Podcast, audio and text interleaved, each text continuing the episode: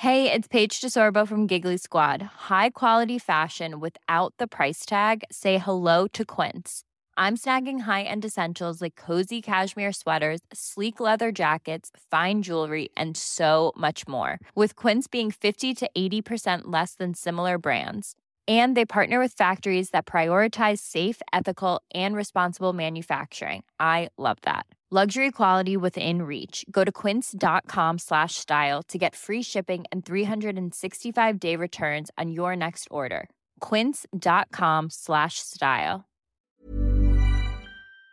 Ik heb dus een trui van de gekregen. Ik weet helemaal niet of haar geur dat is. Het is gewoon wasmiddel, want ze zal me nooit een vieze trui geven. En daar slaap ik nu mee Oh, als een soort schattig. knuffel. Wij zijn Femke, Barbara en Els. Samen hebben we Saar Magazine opgericht. Femke is 42, Barbara 52 en Els 62. In deze podcast bespreken we alles, maar dan ook echt alles waar je als vrouw van 50 tegenwoordig tegenaan loopt. Doe je beugel BH maar uit en zet je rode oortjes op. Dit is de Saar podcast 50 plus, lang niet dood. Nou, Bar, daar, eh, daar zijn we dan met z'n tweeën op de redactie aan de Bloemgracht zonder Els. Ja. Het is een, eh, een hele rare tijd, want we zitten een beetje te wachten op het einde van Els. eh, en dat duurt langer dan Els zelf bedacht had. Els had, eh, heeft alles eigenlijk geregisseerd, maar dit blijkt niet te regisseren te zijn. Ehm, Ze had een week geleden weg willen dobberen. Precies. En ze had zoiets, als ik met de medicatie stop, dan duurt het drie tot vijf dagen. En dat blijkt nu toch wat langer te zijn. Ze begint wel meer pijn te krijgen, maar ja, hoe lang het echt nog kan duren, dat weten we eigenlijk niet. Dat weten de artsen ook niet zo goed. Dus ehm, ze is nu met de huisarts volgens mij vandaag ook in gesprek over wat de opties nu zijn. Ze kan eventueel ja, in slaap gebracht worden, maar dan weet je niet hoe lang het duurt. Dan kan je wel tien dagen in slaap Mhm. Eh, zijn en dan langzamerhand wegdobberen. Maar dat duurt natuurlijk best wel een tijd. En Schijnt ook best wel iets langer te duren als je veel whisky drinkt. Oh ja, precies. Dat Ja. zei ze nog. Dat, het- dat je dan resistent bent tegen de dormicum, zeg maar. Ja. En, eh, en ze kan natuurlijk ook kiezen voor euthanasie. Maar dat vindt ze best pittig, omdat ze... Ja, ze zegt steeds dat ze het sterven echt graag mee wil maken, hoe ze wegdobbert. Dus die... eh, en euthanasie is natuurlijk vrij patsboom. En eh, ja, daar worstelt ze wel mee. Ja. Dus daar zitten we nu eigenlijk dat we een beetje aan het eh, wachten zijn wat zij gaat beslissen. En ja, het, ja, ik vind het heel gek, want we dachten, we, zijn nu wel op het punt dat ze, dat ze er niet meer is. Maar dat, ja, het kan zo nog... eh, ik, ik heb soms het idee dat het nog wel drie maanden kan duren. Dat kan zo. Dat, dat, Toch? Volgens mij wel. Maar ze heeft wel heel duidelijk uitgelegd dat ze echt helemaal klaar is. Ja. En eh, ze wil sowieso het hospice niet meer uit natuurlijk. Ze, daar wil ze nooit meer weg. Nee. Dat is heel duidelijk. En eh, ik had eerst moeite ook met het idee van... Goh, je kan nog een tijdje leven. Ze zit nog, ze zit nog recht op whisky te drinken en te roken. Ja. Nou ja, daar kunnen we nog wel een maandje naast gaan zitten, toch? Maar ehm, wel het gevoel van iedereen gezien, van iedereen afscheid genomen... en echt alles afgerond. Ja. En, En- dat vindt ze ook echt loodzwaar. En dat snap ik ook wel. Weet Ja. je, op een gegeven moment heb je iedereen gezien. En als je die rondes dan nog een keer en nog een keer... Dat is natuurlijk ook voor haar mentaal niet te doen. Nee, dat lijkt me ook vreselijk. Maar nu zit ze een beetje in niemands land met het kleine kringetje om zich heen. Eh, eigenlijk nog best wel goed te zijn, ondanks de pijn. Maar goed, volgens mij zit ze alleen nog maar aan de paracetamol. Dus er is nog van alles aan te doen. Ja, ik zei van- vanochtend nog tegen wat ze zei. Ik heb heel veel pijn. Ik zei, joh, neem gewoon lekker een tramadolletje of een morfinetje. dat is toch heerlijk. Weet je, er is volgens mij nog heel veel mogelijk qua eh, lekker groggy de dagen door. Ja. Whiskietje eroverheen. Nou, dan dobber je al een beetje hoor. En ze is woensdag weer uit geweest. Ze is naar Vrijburg geweest, strandtent op Eiburg met Ja. Maaike. Ja, ja Ze precies. zei nee, nee, ik hoef niet. En toen zei de broer, ga nou maar gewoon. ja, En toen hebben ze er in de auto geduwd. En toen heeft ze heel Vrijburg op eh stelte gezet weer. ja, en dan wel tussendoor dus de hele tijd eh, liggen. Oh ja. En, eh, en ook eens even binnen gaan slapen. Ja. En nou ja, weet je, dat, dat gaat dan wel. Ze is daarna helemaal uitgeput. Maar het hele mooie is dat een verpleegkundige had gezegd van ja, hoe erg is dat? Weet je, Ja. steeds was het ding zo van Els is heel erg zwak, Els moet veel rusten. Maar waarom? Eigenlijk, natuurlijk moet ze rusten nadat ze zoiets heeft gedaan, omdat het eigenlijk veel te veel is.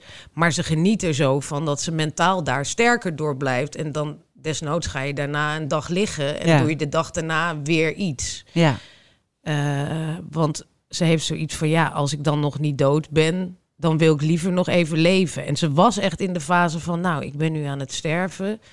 Maar ja, dat duurt dus nu langer. Dus ehm, komt er af en toe ook weer een beetje leven uit. ja. Is natuurlijk ook een verschil tussen... Ga je langzaam wegdobberen, dan wil je misschien het heel klein maken. Of ga je toch euthanasie doen en dan wil je misschien nog juist heel erg genieten. Dan wil je, heb je misschien toch nog een lijstje af te werken... wat je nog even zou willen doen als je je redelijk goed voelt. Wat onwijs wisselend is natuurlijk bij haar nu, maar toch? Ja. Ja. Ja, precies. Dus dat, dat, dat moet je dan ook zien, zeg maar. Ze, het schijnt dat ze dan toch nog wel wat dingetjes wil doen. Ehm, maar ja, je ziet dan ook per dag moet je kijken of het lukt. Ja, per uur ongeveer. Per uur inderdaad. Want het is natuurlijk, eh, nou ja, zoals vanochtend appte ze weer dat ze ontzettend veel pijn heeft. Dus ja, het is, het is steeds de vraag wat er, wat er kan. Maar ja, soms ehm, kan er dan ineens wel weer wat. En dat is voor haar gewoon het mooist. Ja. Als er gewoon nog een beetje lol gemaakt wordt. Want ze heeft dus gewoon, ze is nog super scherp. Ze kan nog Mhm. Keiharde grappen maken. Wij hebben er al een hele tijd niet gezien, maar dat horen we dan van Maaike, die heel dicht eh, bij is nu aan het bed. Dat ze gewoon. eh, ze heeft gisteren nog naar de uitzending. Die heb ik trouwens Oh, nog ja. niet gezien. Naar de uitzending van Boos gekeken over John de Mol. Dat vindt ze natuurlijk heerlijk. Oh, hier had ik een heleboel appjes over willen hebben van Ja, haar. precies. En ze heeft dus ook gewoon weer dan alle verhalen die zij kent en zo met Mike gedeeld. Dus dat was natuurlijk fantastisch. Dus dat vind ik ook wel weer mooi. Daar staat ze dus ook nog steeds wel open voor. Ja. Weet je? Oh, Ja. gaan we dat lekker kijken. Samen En- kijken. Samen kijken en daar heel lang over praten. Maar het schijnt wel zo te zijn dat ze echt iedere keer na een half uurtje dan weer gaat liggen. Ja, zeg maar. En wij kenden er nog dat ze gewoon vier uur rechtop zat Ja. natuurlijk. Dus dat is wel echt eh, danig aan het veranderen. Ja. Maar ja, het is, eh, het is heel gek, want ik dacht van nou, ik heb afscheid genomen. En toen zei ze, nou, aan het eind van deze week ben ik er niet meer. Ja. En nu zijn we twee weken verder. Dus Ja. het voelt voor mij heel erg alsof het helemaal niet gaat gebeuren. Ik geloof het helemaal niet. ja, dat heb ik niet, maar meer dat gekke niemandsland gevoel van. En ik voel me zelf ook af en toe. ehm, ik zit soms op de bank geplakt en dan merk ik dat ik al een uur op de bank zit, alleen maar heel dom Instagram zit te kijken. En dan moet ik echt iemand bellen en zeggen: Kom maar even halen. Ik moet er even vanaf. Want dan, op een manier voel je het dan zo dichtbij komen. Dat, dan voel je even dat niemandsland Ja, ja. waar ze in zit. En ik ben nu heel bang dat dit weekend. Dus ik ga na deze podcast, is nu vrijdagochtend, echt even een lijstje maken van dingen die ik ga doen dit weekend. Zodat ik niet zo. Op die bank. Ja, jij gaat zo lekker sporten. Daar ben ik ook heel jaloers op. Mijn Pilateslerares is nog weg.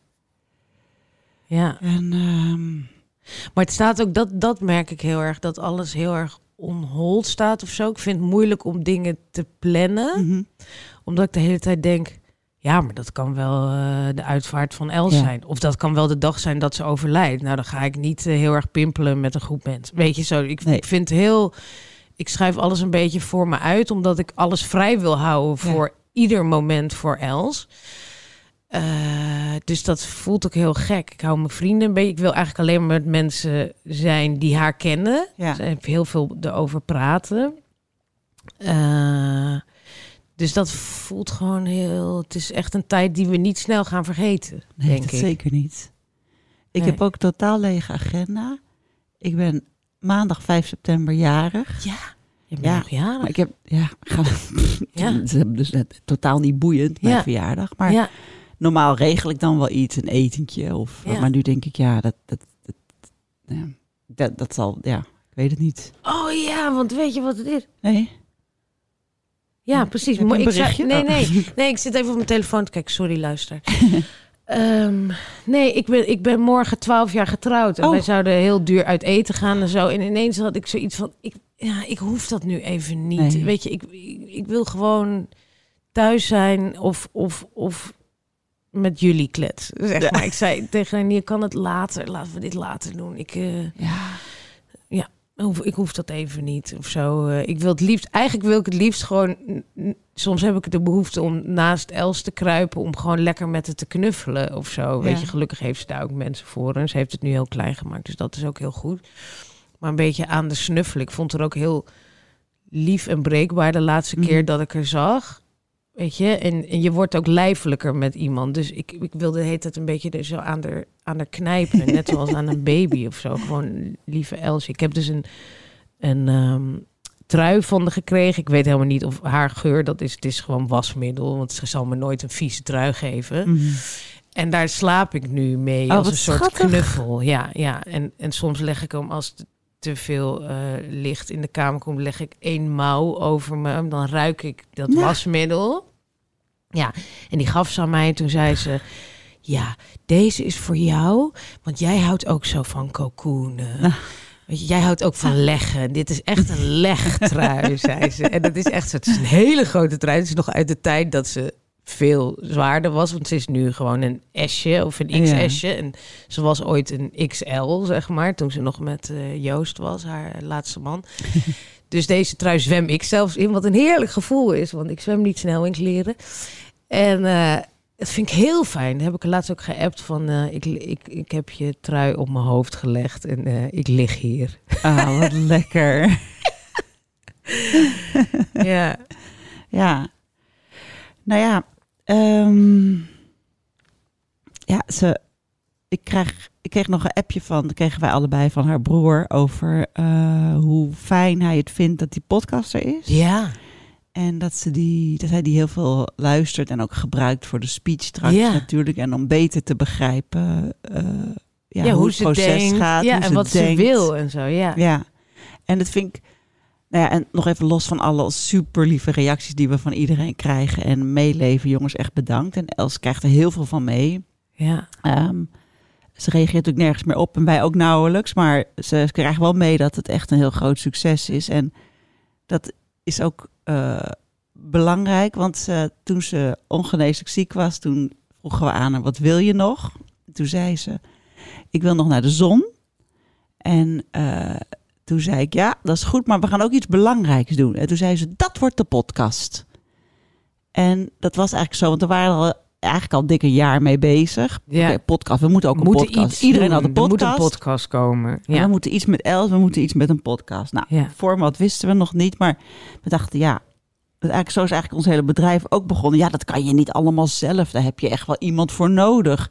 Je hebt een studio nodig en een technicus. En wat Ja. kost het dan wel niet? En iemand Dus dat- moet het gaan editen. Ja, en dat is allemaal heel moeilijk. En dan moet je dus naar zo. Je hebt allemaal van die jonge bedrijfjes die nu die als paddenstoelen uit de grond schieten, zoals Tony Media en eh, Dag en Nacht Media. Daar hebben we allemaal mee gemaild en gebeld. En dan zeggen ze allemaal: ja, superleuk idee. En jullie voldoen aan alle criteria. Maar ja, ja, we zijn nu druk. Dus kan je over een halfjaartje nog een keertje mailen. Nou, een halfjaartje later weer eens gemaild. En ja, nee, leuk, leuk. Maar we hebben al iets van 50 plus. Dat is dan een podcastbedrijf dat geloof ik elke week 10 nieuwe podcasts moet lanceren. Ze hebben inmiddels 300 podcasts. Ze hebben één 50 plus podcast van Isa en Medina over eh, kwaaltjes en de overgang. Ja. En eh, daar kunnen, konden wij dan niet meer bij of zo. Want nee. dat vonden ze dan lullig. Ja. Nou, eh, oké, bedankt en de groeten. En eh, dat is gewoon altijd als je met 50 plus dingen aankomt zetten. Je krijgt gewoon altijd ja, ja, ja, ja, ja, superleuk. Ja, heel, heel leuk tof wat idee. jullie doen. We willen liever nog tien dingen voor dertigers Ja, maken. want die mensen zijn ook allemaal 30, dus die willen gewoon leuk met dertigers werken. Dat snap ik best. Maar, ehm, eh, nou, dus we zijn het op eigen houtje gaan doen. Dus toen Els, Els zei toen van dat belangrijke wat ik ga doen, dat is de podcast. Toen eh, is Femke als een gek eh, rond gaan bellen. En, oh ja, nee, we hadden nog een ander bedrijf. Oh, het koffieapparaat wil ook even wat Ja. zeggen. En eh, eh, toen was er nog een heel ander bedrijf. Zei, nee, dit vinden we hartstikke leuk. Dat gaan we doen. En, en ik heb een studio. En dan gaan we voor een vriendenprijs gaan we doen. We gaan eerst gewoon twee opnemen. En dit is echt heel erg Ja, tof. en dan zien we het wel, dan zien we het wel. En de prijs komen we uit hoor. Het wordt echt weinig. Dat, dat is, dat, dat- ja, daar gaan we niet te moeilijk over doen. Komt Nee. helemaal goed. Kom eerst maar eens even. Dus wij met z'n drietjes in de Greenwheels naar die studio. En nou, we gingen twee podcasts opnemen. Else energie was toen al wel wat minder. Dus we wisten ook wel, ik kunnen niet drie op de dag opnemen of zo. Nou, hartstikke leuk. Die mannen is super enthousiast en blij. Dus ik zei van, nou, leuk, gaan we doen. Kan je van een offertetje maken? Ja hoor. Nou, een paar dagen later de vriendenprijs. 5000 euro per, pod- Per podcast, Ja. mensen. Ja. Per podcast. Dit Met zijn geen de- verdienmodel erbij. Dus Ja. niet van, oh, dan doen we ook wel even de advertenties, zodat we dat... Precies. Was gewoon cashen voor deze mensen. Ja. En dat noemden ze dan een vriendenprijs. Dus toen zijn we helemaal uit onze plaat gegaan. Met name Els. Els, die was woedend. Els was zijn zo mannen. woedend. ja, en die zei, dit, dit, dit zijn mannen. En eh, nou, ze is ook eh, tegen de eigenaar van dat bedrijfje nogal uitgevaren. Echt heel erg hard. Dat was weer Ja, dat was weer iets te hard. Want hij was, nou, nou ja, goed. Maar oké. Maar goed, we wisten dat dit het niet ging worden. Ja, En toen hebben we nog een, eh, een eh, bevriend bedrijfje gemaild. Waarvan we wisten van die, die maken ook podcasts. En die jongen kon dingen opnemen. En toen zei ik: Kan jij het niet alsjeblieft doen? Want nou, ik wist dat hij minder duur was, maar nog steeds echt te duur voor ons. En toen, dat was echt de key moment. Want Ja. toen zei hij: Joh, je moet gewoon zelf die apparatuur aanschaffen. Het is echt super makkelijk. Koop gewoon dit, dat en dat. Dan kom ik uitleggen hoe het werkt. En eh, nou, dat editen, dat, eh, dat kan gewoon echt voor een vriendenprijs. Er zit hier een meisje en die doet dat in een uurtje. En eh, nou, hij had een heel laag bedrag dat ik dacht, dit is echt te schunnig. Maar ja, we moesten het wel aannemen, want ja, het kon niet anders. En zo geschieden. En het bleek inderdaad heel makkelijk. En eh, Ja, wat het voordeel van je eigen apparatuur was ook. Want ik dacht, ja, straks wordt ze ziek en moeten we naar ziekenhuizen, hospices, bij haar thuis. Dat was toen nog, die eerste paar hebben we in een hotelkamer ja, opgenomen. we- oh ja. Dat- we dachten dat je een hotelkamer nodig had met gordijnen en akoestiek en weet ik. Ja. Dat was wel heel leuk. Ja. Ja. Maar was, be- besef dat, hè? Dat Ja. we daar nog zaten. Dat ze met haar mooie jas binnenkwam. Ja. En dat we daar lekker drankjes bestelden op de hotelkamer. en gewoon, eh, en dat ze ook zei van, ik voel nog niks. Ik voel niks. Terwijl ze wel wist dat de hele lever al vol zat. Ja. En toen bij haar thuis, nou dat was ook altijd gezellig. Maar dat, daar hebben we natuurlijk een paar hele grote dieptepunten gehad. ja. Eerst zaten we nog aan tafel, toen was het liggend op de bank. Met die microfoon tussen de benen. Ja. Ja, en ook dat ene moment dat ze toen afbrak omdat ze zo hard moest huilen. Ja. Toen dacht ik, dat is het einde van de podcast. Ja. Toen moest ik nog wel... Toen heb ik wel weer gezien, want lieve mensen, dat deze podcast is, dat is echt heel erg aan Barbara van Erp te danken. Want ik denk, ik dacht, oh kanker, we stoppen. Oh nee, we gaan door. Oké. Oh, nou, Els moet nu huilen, we stoppen. En dan zet Barbara hem weer aan. En dan zegt Els vervolgens ook, ja, het gaat nu eigenlijk wel weer. En vervolgens konden we nog weer een paar podcasts opnemen. Els genoot er enorm van. En ik dacht, het is het niet te veel? Is het niet te veel? Maar het heeft haar ook zoveel gebracht Ja. dat dit heel goed was. En ook, ja, jij durft af en toe ook echt door te zetten op momenten dat ik dacht van, "Oeh, we moeten nu aftaaien. En dat heeft wel ervoor gezorgd dat mensen, ja, dat we ook zoveel mails krijgen van mensen die, het, die dit inkijkje zo bijzonder vinden. En dit is helemaal waar Els ook voor staat. Ja. Weet je, dat, dat de openheid over dit soort zaken. En wat ze zei, ik, ik zit erop te googlen, maar ik vind niks. Ja. En nu hebben jullie gewoon aan het bed gezeten. En gewoon gezien hoe dit dan gaat. Dat is natuurlijk echt onnavolgbaar. Maar voorlopig kunnen we ook wel wat wijze lessen hieruit trekken. Bijvoorbeeld als een oncoloog zegt... nou, je moet gewoon stoppen met die en die pillen... en dan ben je binnen drie dagen dood. En vervolgens komt er een verpleegkundige die zegt... oh, dan geef ik je wel wat pijnstilling, zo gaan we het doen. Dat dat dus niet genoeg is, jonge mensen. Nee. Ehm, sowieso zijn oncologen natuurlijk niet helemaal gespecialiseerd in doodgaan, neem ik aan. Nee. En En het- je kan natuurlijk per lijf is het verschillend, weet Ja. je. Dus dit is en dit heeft zij misschien ook helemaal niet zo bedoeld. dat zou kunnen, ja, ja. Hè, ze heeft dit gewoon in een bijzin gezegd. Maar ja, weet je... En Els heeft daar weer een heel compact verhaaltje van Precies. gemaakt, wat haar werk ook is. Precies. Oh nee, dan ben ik binnen drie dagen dood. En wij hebben het allemaal voor dit- zoete koek ja, geslikt. Maar hè? zij, zij praat ook zo, dat is het mooie aan Els. Zij praat in koppen en die zijn altijd kort en bondig. En Ja. die, die poneren iets wat, eh, nou, dat, dat is een heel duidelijke stelling. Ja. En dat is ook wat zij in de hele leven heeft gedaan. Dus als Els dit zegt, dan, dan denk ik helemaal... dan gaat mijn eigen brein, dat is ook een beetje treurig... maar gaat er een beetje uit, want dan denk ik... nou ja, zij zal het wel weten. Ja, ja. Maar iedereen heeft het voor zoete koek geslikt. Iedereen natuurlijk, ja. Terwijl alleen niet Barbara van Beukering, die natuurlijk heel veel mensen heeft gesproken die onlangs iemand hebben verloren. Die had meteen zoiets van, nou, ik weet het niet hoor met dit verhaal. Ik zou toch eens eventjes ook die euthanasie onderzoeken en even een beetje doorvragen, want dit wordt een rommeltje. Ja. En het is nu natuurlijk wel een beetje een Het rommeltje. is een beetje een rommeltje. Ja, Ja. ja. Ja, Ja, maar zo zie je maar weer dat het, dat het ook lastig is Ja. met sterven, weet je. En zij dacht, ik ga naar dat hospice en dan ben ik er binnen acht weken niet meer. Want Ja. ik voel me super slecht. Dit moet wel sterven zijn. Maar ze zei ook de hele tijd van, ja, is dit nou sterven? Weet je, dat wisten we allemaal niet. Nee. En, en, de, en de oncoloog zei ook van, ja, je, je, je kankerwaarden stijgen enorm. Eh, en eh, ja, je voelt je super slecht. Dus nou ja, en de huisarts ook, iedereen vond het ook wel tijd. Maar goed, ja, weet je, wie weet, eh, ja, de een doet er acht weken over en de ander een half jaar. Ja. Maar ze waren ook, dat was toch een tijdje geleden dat ze niet wisten of ze nou last had echt van de kanker of van die bijnieren. Dat moest eigenlijk onderzocht worden, maar dat wou ze niet meer, want het ziekenhuisbezoek was zo zwaar voor ja, ze. en dat snap ik ook, want als je weet dat je toch doodgaat, weet je, ze moest dan een week opgenomen Een worden. week? Ja, Echt? of drie dagen in ieder geval, eh, een, mid, een midweek. Oké, een midweek. Toch en dan, anders. Ja, en, dan zouden, en dan zouden ze dus heel veel onderzoeken doen om precies eruit te krijgen waarom ze zich zo slecht voelde. Mhm. En ze had zoiets van, ja, nou ja, wat, wat, ik wil gewoon naar dat hospice waar Ja. het fijn is en niet nog om te horen hoe het precies zit, want ik dood ga ik toch. Ja. Dat was haar ding en dat begrepen we ook allemaal. Ik dacht ook van, ja, wat, wat, wat is hier de meerwaarde van? Achteraf gezien denk je dat er misschien wel meerwaarde was, want dan had je iets realistischer misschien kunnen, Ja. kunnen eh, plannen. Maar dan nog, dan Ja. nog weet je niet wat een lijf doet. Nee. Je weet niet wat een lijf doet. Weet je, dan Nee. kan zo'n arts zeggen van, nou ja, ik schat in drie maanden. En dan kan je ook binnen twee weken neervallen. Ja. En je kan ook drie maanden krijgen.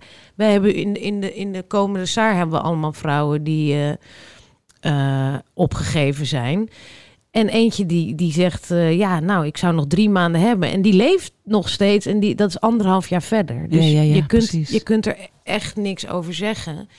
Maar je kunt mentaal natuurlijk wel gewoon klaar zijn. Zij is wel gaan afbouwen. En zij heeft gewoon, eh, ja, weet je, ze is nu gewoon helemaal er klaar voor. Ja. En lichamelijk ook zo slecht dat je denkt, ja, als ze dit nog een half jaar moet doen, dat is ook geen leven. Het is hoe dan ook uitzichtloos lijden, zeg maar. Totaal. Ja. Totaal. En het was ook al toen ik met haar in Spanje was, hè? was dat in maart geloof ik, of april? Precies. toen, toen was ze eigenlijk dus nog heel gezond. Het is nu onvoorstelbaar dat haar ben gaan vliegen. En we zijn uit geweest. En, en we hebben in jacuzzi's gezeten op dakterrassen. Weet ik het Ja. allemaal. Maar ja, de wandeling op het vliegveld was eigenlijk te veel. Dan moest ze de hele tijd zitten. Ja. En af en toe zei ze ook toen we daar waren van ik ga even liggen. En dan was ze gewoon vier uur lang in slaap, weet je wel. Gewoon dat je altijd rond etenstijd lag ze altijd te slapen. Dat was hilarisch. Er was geen touw aan vast te knopen, dat ritme. Ik had de koelkast vol eten gegooid. Ik dacht, nou, ik zie het allemaal wel. We hebben hier een dakterras, de zon schijnt en ik heb mijn jacuzzi. En, eh, En een e-reader. en een e-reader. En we zien wel wat, eh, wat deze week brengt. Eh, maar het was inderdaad, ja, ja het, het was heel, heel ziek eigenlijk al. Ja, Ook Ja, heel leuk natuurlijk. precies. Maar dat, dat zie je ook. Dat, is, en dat vind ik ook zo wonderlijk aan Els. Dat hoe ziek ze ook is, dat ze wel... Nou, dat zei ze zelf ook. Ik denk dat ik tot mijn dood blijf rebbelen, zoals Ja. ze dat noemde. Maar dat is ook echt zo. Dat lijf wil eigenlijk niet meer. Nee, Maar die geest is wel heel ja, sterk. dat is het. En ze blijft maar, maar praten. En daardoor merk ik ook dat ik zoveel moeite heb met dat afscheid. Omdat ik, zeg maar, ik, en het gaat niet om mij, maar ik ga nu even heel egoïstisch. Omdat ik eigenlijk nodig heb dat iemand daar ligt. En dan weet je zo. En, en oh, je kan geen contact meer maken. En die, die drijft weg, zeg maar. Maar je kan met haar dus nog zo goed praten. En, en dat is ons ding ook. We Ja. praten heel veel, weet Ja. je. Mij, mij, nou ja, jij bent wel actiever, maar ik ben überhaupt niet actief. Dus als ik kan zitten en praten, dat is eigenlijk mijn leven. En je moet me echt een schop onder mijn reet geven, wil ik eh, wat actie ondernemen. En dat geldt voor Els eigenlijk ook. Dus dan denk ik, nou, we praten toch nog? We zijn er nog. Ja, alles doet het nog. Precies, terwijl dat hele lijf natuurlijk aan alle kanten eh, op uitstand staat, zeg maar. Dus dat, dat, dat is voor ons heel onverkwikkelijk. Dat, ja. Ja. dat dat straks ophoudt. Ik kan me gewoon echt niet voorstellen. Ik denk dat het in het begin ook heel gek gaat zijn. Want je, dat je gewoon denkt, over twee weken zie ik er wel weer. Ja. En dan gaan we weer kletsen. En dat dat dan niet gebeurt. ja, hoe zou dat zijn? Hè? Hoe bizar zal dat zijn? En we hebben zoveel erfenis van haar. Hè? Want als je al die bladen ook ziet. We sloegen laatst een blad over. En dan zagen we nog een andere haarkoep. Nu heeft ze kort haar. Maar toen had ze nog die Ja. bob, zeg maar. En Ja. denk je, oh ja, dat is Els ook geweest. Weet je, we, we kennen er al. Ja, nou, 15 jaar, 10, ja, ik denk Ja. wel 15 jaar. Hoe heb, hoe heb jij Ja. Els leren kennen? Oh, wat grappig. Weet ik ook van jou eigenlijk helemaal niet. Nee. Ehm, nou, ik ging eh, ja, tien jaar geleden, denk ik. Ik had er wel alles in- zo'n beetje voorbij zien komen. Maar ik ging brainstormen met eh Franska, toen hoofdredacteur van Libelle. Mhm. En die was gevraagd om naast Libelle ook een 50-plus blad op te pimpen. En eh, toen had ze mij daarbij gevraagd, als eh, nou journalist, zeg maar, blademaker. Een hele leuke freelance klus was dat. En dat begon met een brainstorm. En er was een brainstorm in het Olympisch Stadion in Amsterdam. was toen een hele hippe locatie. Er was een heel zaaltje was er gehuurd met broodjes en alles. En daar kwam Els binnen met Margot. Die werkte toen samen als komisch duo echt bij de Linda. En dat was een van de leukste middagen uit mijn leven. En dus Frans die ging zo van, nou, dat is een blad en eh, nou, dat moet een beetje leuk opgepimpt worden. Nou, dan gaan we nu leuk brainstormen. En toen zei Els, nee, we gaan helemaal niet leuk brainstormen, want ik begrijp helemaal niet wat je wil. En, en toen dacht ik zo, oké, oké, oké, dit zijn echt hele serieuze Oh, mensen. Dit een enge vrouw. ja, dat was echt zo eng.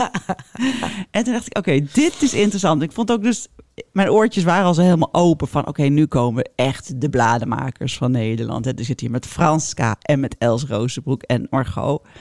En ehm, dus dat, was, had enorme impact op mij. En het werd uiteindelijk een hele goede middag. Waarbij ook, er waren allemaal onderzoeken gedaan door een of andere man die al 300 jaar onderzoeken deed voor Sanoma. Hij zei, oh, daar heb je weer een onderzoek van Bim. En dat schoof ze zo terzijde, weet je wel. Oh, ze we zat allemaal- daar ook echt fully Ja, haar dat- hele gig te doen. ja, helemaal. Van, nou, je moet nooit luisteren naar die mensen met die onderzoeken. Je, je moet gewoon, mensen willen je echtheid. Dus allemaal van die kreten had ze. En nou, ik hing aan de lippen. Dat is echt fantastisch. Oh, wat grappig. Ja. En toen eh, heb ik natuurlijk wel met haar gewerkt bij Libelle, maar dat was een beetje op afstand. En toen kreeg ik Morris dus, die nu tien is. En eh, ik kreeg op mijn 42e nog een baby. Toen ben ik met haar gaan lunchen. En eh, toen vond ze hem zo lief. Toen zei ze, we gaan nu naar de bonneterie en dan gaan we een heel duur pakje voor hem kopen. En toen hebben we een Hugo Boss pakje. Oh. Ja, dat weet ik nog, want die heb jij nog weer aan mij Oh gegeven ja, ja. voor Max. De Bos Baby. Ja. Heeft hij één keer aangehad. Ja, weet je, baby's dragen geen Hugo Boss pakjes.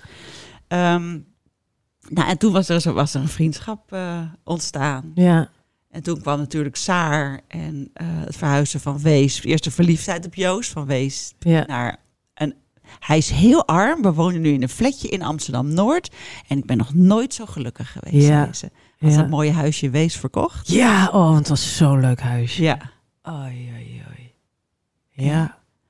En eh, nou ja, de rest is geschiedenis. En hoe, hoe, hoe kan je, jij er dan? Waar heb jij er voor het eerst gezien? Op de Nou, Libelle Zomerweek? Ja, op de Libelle Zomerweek was heel grappig. Ehm, ik, ik heb er nog een column laten overgeschreven in, eh, in Libelle. Dat het was, denk ik, 2004 of zo.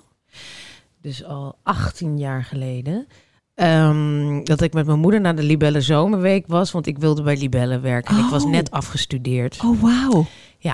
En toen, eh, toen, zijn we, toen gingen we naar de tent. Want ik had bedacht, ik moet daar naartoe. Want Ja. daar, ga ik, daar kun je ook praten met de redactie. En ik moet een baan fixen. Dus ik moet naar die zomerweek. En eh, toen gingen we de grote tent in. Dat is hilarisch nu, want ik bedoel, Daar sta nu jij sta nu ik op daar podium. zelf. Maar toen, de- we gingen de grote tent in en daar stonden eh Wieke, Tineke en Els. Ja. En Wieke en Tineke ken ik wel, maar Els niet. Want Els had net een column. Oh ja, En dus mijn de moeder- drie grote columnisten van Libelle. En mijn moeder zei, eh, oh ja, dat is die nieuwe, die is geweldig. Die werkt in een hospice. Oh, ja. En och, dat, oh, die schrijft zo goed. Oh, die schrijft zo goed. En ik, want dat gaat altijd zo bij Libelle, lees je eigenlijk altijd degene die je kent. En nieuwe, daar doe je even over. Ja, dus, ik had haar, jaren. ja, Je bent jaren die nieuwe. dus ik had haar altijd overgeslagen, stond achter in het blad. En ik had haar overgeslagen, want ik ben nogal van eh, de herkenning. En, en eh, ja, ik dacht, nou, wie is dat? En ze moet, nee, je moet haar echt gaan lezen. En toen, ehm, Toen stond zij op dat podium. En ja, het was echt verliefdheid eh, op het Mhm. eerste gezicht. Gewoon, zij was zo geweldig. Mhm. Zij was echt, en ik, zij was, ik heb het laatst uitgerekend, ik denk 48 of zo. Ah, Dus eh, voor mij was ze heel oud, want ik Mhm. was 24 of Ja. 25. En eh, ik dacht dat je 48 kunt zijn en zo geweldig. oh god, dat denken ze nu hopelijk ook van ons, dat soort dingen. Zo geweldig. Ik dacht echt, ik, ik wil haar zijn, dacht ik. Ik wil haar zijn. Zij is zo geweldig. En zij, zij, ja, ze had allerlei anekdotes die te grappig voor woorden waren. En, en ze trad alle conventies van hoe je eigenlijk, ja, wat je denkt van de Libelle Zomerweek. En ik heb helemaal in mijn broek gepist van het lachen. Echt keihard gelachen. En ik kan nogal hard lachen. Aha. En toen eh, aan het eind van het optreden liep zij dus naar voren op het podium. En ik stond daar dus met mijn moeder echt. En toen kwam ze naar me toe zei ze... Ben jij dat meisje wat zo hard aan het lachen was? Ach. Dank je wel hoor, dit is heerlijk. Zo'n publiek is echt heerlijk. Ik heb het voor jou gedaan, zoiets zei ze. Echt? En, en toen, ik voelde me echt alsof het een enorme BN'er was. Ik, ik heb echt niks. Maar, maar toen dacht ik wel echt, ik moet hier werken. En toen heb ik daar inderdaad mijn eerste sollicitatie geregeld. Toen eh, via Margreet Bot. Ja. Dus, eh, en toen duurde het nog heel lang. Maar toen had ik wel een soort missie. Als ik daar werk, Mhm. moet ik met haar bevriend raken. Want Ja. zij is gewoon, zij is mijn moeder. Ik zag haar echt als, dit is eigenlijk degene, mijn, mijn moeder en ik zijn heel anders. En ik ben dol op mijn moeder, ik hou van mijn moeder. Maar ik dacht, dit is mijn geestelijk moeder. Zij is wie ik wil zijn. En ik herkende heel veel dingen. In de columns las ik inmiddels ook heel veel. En toen eh, werkte ik bij Libelle. En toen kreeg ik vrij snel een column, wat een grote eer is in zo'n blad. En ik, Ja. was, ik was 28 of zo. Dus ik had nooit verwacht dat dat zou gebeuren. Omdat Libelle natuurlijk eigenlijk een beetje 40 is. Heel Ik- stoer van ja. ze. Dus ik kreeg die column. En toen stond ik dus op, nou ja, in 2008, dus vier jaar later of zo, op die zomerweek. Ehm, en toen liep ik dus de backstage in. Ja. En daar zat iedereen, behalve Els. Want Els kwam natuurlijk... Ja, Els komt altijd te laat. dus Els... eh, en ik, ik dacht echt, oh my god, dan ga ik Els het echt ontmoeten. En eh, oh, maar ik had al over gehoord dat het heel strikt, heel streng was. En Ja. mensen hadden allemaal Ja. roddels verteld. En van, eh, ja, ze kan dingen echt afschuwelijk vinden. En ik dacht, ja, Mhm. straks vindt ze mijn column afschuwelijk. En dan wil ze niks met mij. En toen kwam ze binnen. Dat was zo leuk. en toen zei ze... Waar is Femke? En toen eh, zei ik... "Eh, eh, eh, Hi, Els. Toen zei ze... Ik vind jou geweldig schrijven. Toen zei ik... Ik vind jou geweldig schrijven. Toen zei ze, Rook je? "Je- Ja? We gaan nu een sigaret roken. We hadden nog maar één minuut voordat we op Oh mijn god, komt te laat binnen. Ja, maar we gingen sigaret roken en iedereen moest wachten tot het Els klaar was. En toen gingen we het podium op. Nou, En het was vanaf dat moment waren we vrienden. Ik ben volgens mij die hele week toen steeds met haar mee naar huis gegaan in Weesp gaan slapen. En eh, nou ja, ik kreeg de hele leven mee. Het was het laatste staartje van die, eh, die Fransman. Ja. Waar ze toen eh, in had. Wees woonden ze toen. En, eh, en nou, b- binnen roken en drinken. Mirjam kwam af en toe ook mee. En dan half dronken, 's ochtends nog weer in de auto naar die zomerweek. En eh, alleen maar praten, praten, praten, praten, praten. Om dat hele, onze beide levens een beetje te verweven. Nee, het was fantastisch. Oh, wat leuk. echt geweldig. Het was echt een verliefdheid. Was het, Ja. eh, ja. ja. ja, het is nu een liefde, maar het was toen echt een verliefde. Ik dacht, ik ken niemand die zo geweldig is als zij. Ja. Ja. Ja. Mooi toch? Ja. Ja. Ja. Nou ja, Ja. Dus jongens, het is zaterdagochtend als jullie dit horen. We weten niet wat er de komende 24 uur gaat gebeuren. Nee. kan van alles zijn. Ze kan gaan slapen. Ze kan ons uitnodigen om alsnog een laatste borrel te komen drinken. We hebben, we hebben ook geen idee. Nee, we, we, we weten het echt niet. Eh, ik heb het, ergens het idee dat het wel snel kan gebeuren. Maar soms is ook weer dat het, dat het nog maanden kan duren. We, we weten het helemaal niet. Dus we pinnen ons maar helemaal nergens meer op vast. We hebben heel erg de hele tijd gedacht... Nou, deze week is het einde. Maar dat is ook heel vermoeiend. Dus ik heb het maar een beetje losgelaten. Ik heb toch weer dat gevoel van het laatste weekend. Oh ja? Ja, Oh ja, nee, ik helemaal niet. ja. Oh, Maar ja, wauw. maar dat is, dat, dat is alleen maar een gevoel, hè? Dat is niet gebaseerd op eh, de feiten nog. Maar Nee, nou, ik merk, we- het is zo'n rollercoaster geweest. En we hebben natuurlijk ook al best wel vaak gedacht van, nou ja, het kan nu wel eens, het kan nu wel eens. Dat ik merk dat dat, dat meegaan met die kleine, dat, dat, dat mijn geest dat niet zo goed aankomt. Dus ik heb het nu soort van uitgesteld totdat ik het echt hoor. Dat ik merk Ja. dat er een soort muurtje voor zit of zo. ja, Ja, we houden jullie op de hoogte. We zijn wel van plan om, eh, om nog een paar keer, eh, ja, ook de uitvaart en nou, nog een paar keer te bespreken en jullie helemaal mee te nemen in tot het einde. ja.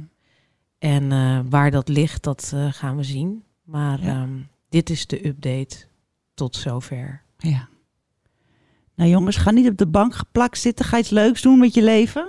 Yes. Geniet ervan. Wat Els ook zegt, van als je leeft, pak het leven. En ga lekker door de stad fietsen, pak een terrasje. En eh, geniet van dat je niet eh super moe op een bank zit. Fijn weekend jongens. Fijn weekend. Doeg. Hoi, ik ben Barbara van Erp, hoofdredacteur van Saar Magazine. Femke, Els en ik zijn dit blad helemaal zelf begonnen. We hebben geen mannen in pak die voor ons zorgen. Geen glimmend hoofdkantoor waar vanzelf geld uitkomt om Saar van te maken. Nee, wij moeten alles zelf bij elkaar zien te krijgen. En daarom is jullie steun voor ons zo belangrijk. Als je nog geen abonnee bent, word dat dan alsjeblieft. Als je wel al abonnee bent, blijf het dan alsjeblieft. Want alleen met jullie steun kunnen we nieuwe dingen maken, zoals deze podcast. 100% gratis en vrij van reclame. We willen graag nog veel meer mooie dingen maken, maar daar hebben we echt jullie steun nodig. Kijk eens even op saarmagazine.nl slash abonnement. Dankjewel. Even when we're on a budget, we still deserve nice things. Quince is a place to scoop up stunning high-end goods for 50 to 80% less than similar brands. They have buttery soft cashmere sweaters starting at $50, luxurious Italian leather bags, and so much more. Plus, Quince only works with factories that use safe, ethical, and responsible manufacturing. Get the high-end goods you'll love without the high price tag with Quince. Go to quince.com slash style for free shipping and 365-day returns.